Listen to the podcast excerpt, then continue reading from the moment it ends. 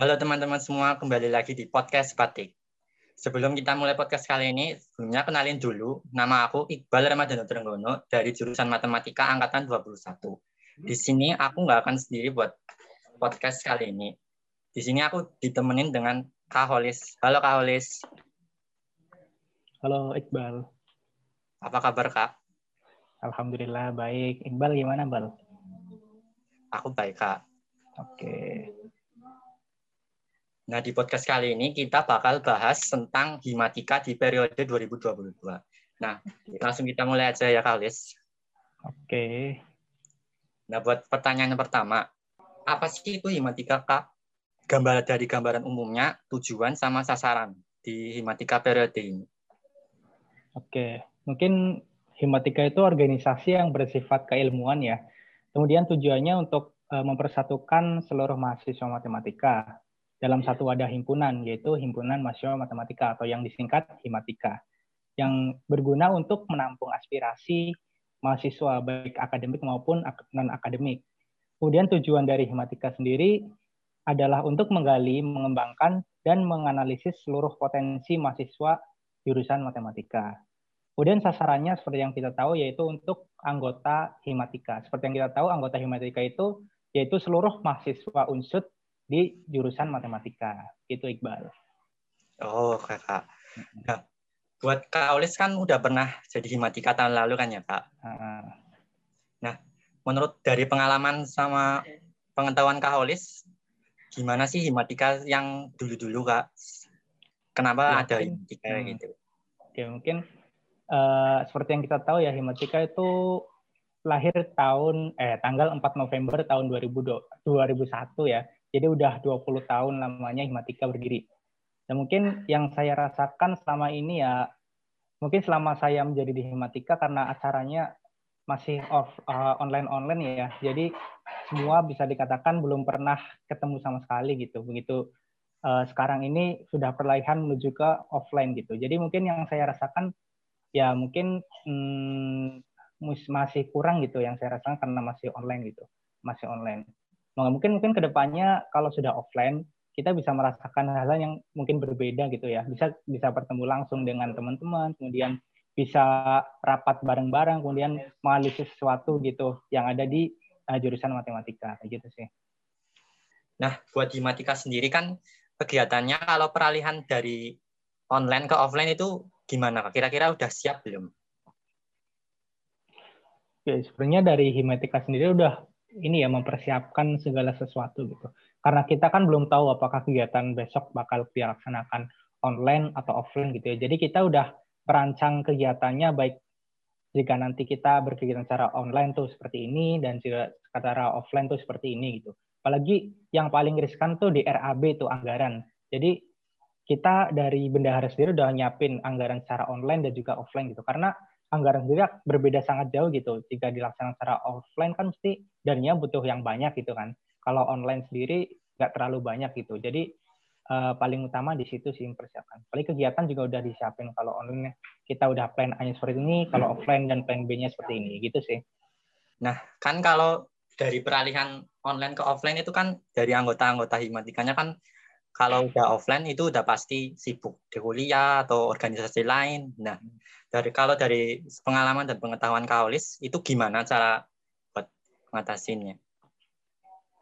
Ya mungkin eh, apa namanya tergantung dari teman-temannya sih bagaimana cara membagi waktunya gitu.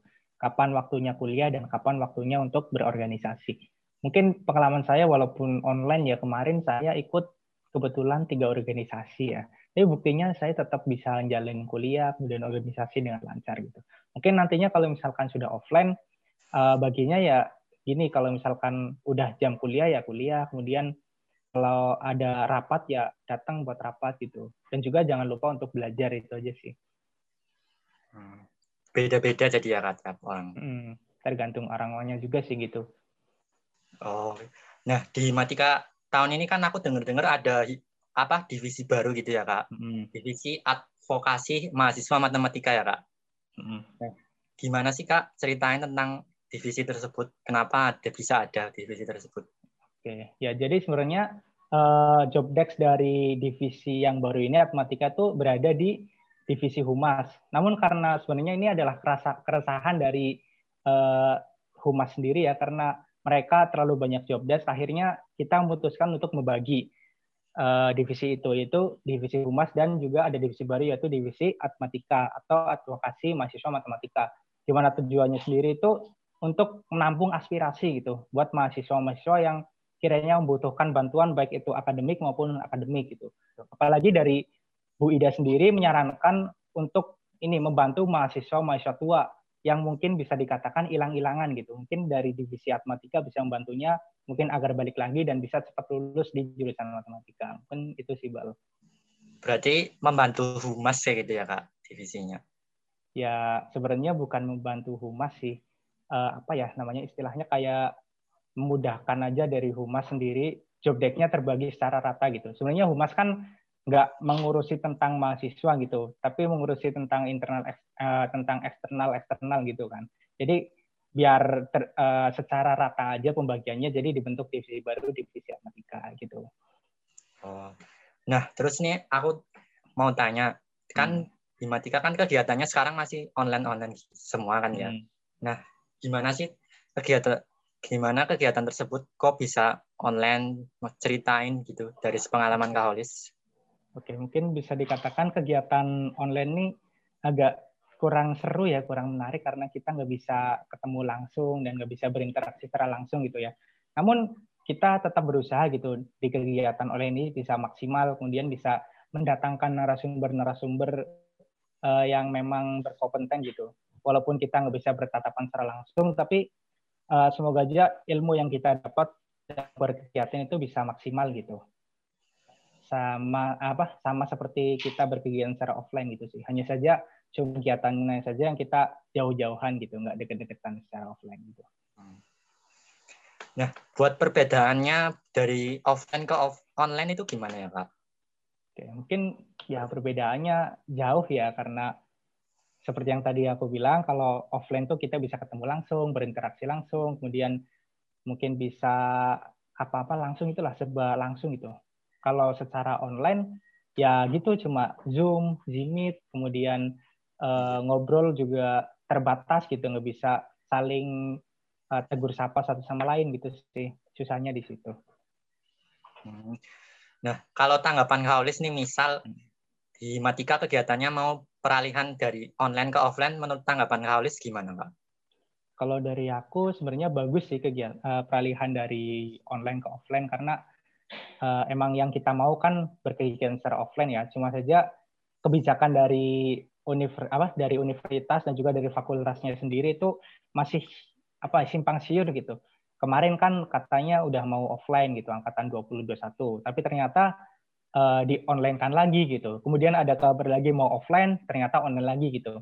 Mungkin yang jadi kita susah tuh di situ loh. Katanya online, ternyata offline. Yang dari jauh-jauh udah ke PWT, ternyata nggak jadi offline, jadi mereka balik lagi kayak gitu. Jadi susahnya di situ sih. Sebenarnya kegiatan secara offline tuh bagus, bagus banget malah didukung sama kita gitu. Cuma ya penerapannya saja kurang tegas gitu. Kalau ya offline ya offline, online ya online gitu sih.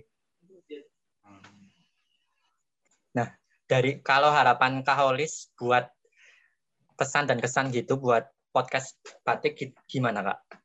Oke, uh, ya mungkin harapan aku semoga uh, proker podcast batik ini tetap berjalan ya sebagaimana mestinya itu dari per bulan gitu selalu ada dan juga mungkin topik-topik yang dibawakan itu kalau bisa up to date gitu terkait hal-hal yang memang diharapkan atau diinginkan dari mahasiswa khususnya jurusan matematika gitu sih kalau Hmm, jadi ya tetap berjalan aja dan sebagaimana mestinya dan semoga lebih baik lagi untuk podcast batik selanjutnya gitu Bang.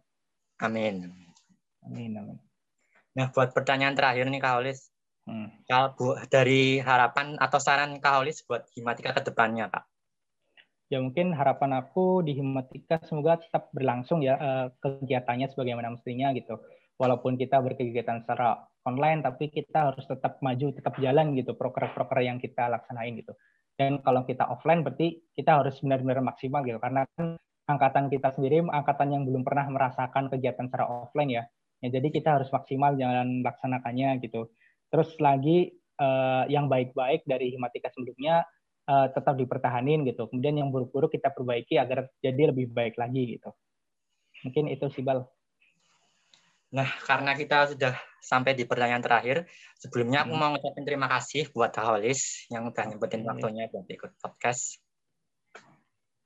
Dan sekian dari sekian podcast kali ini. Terima kasih.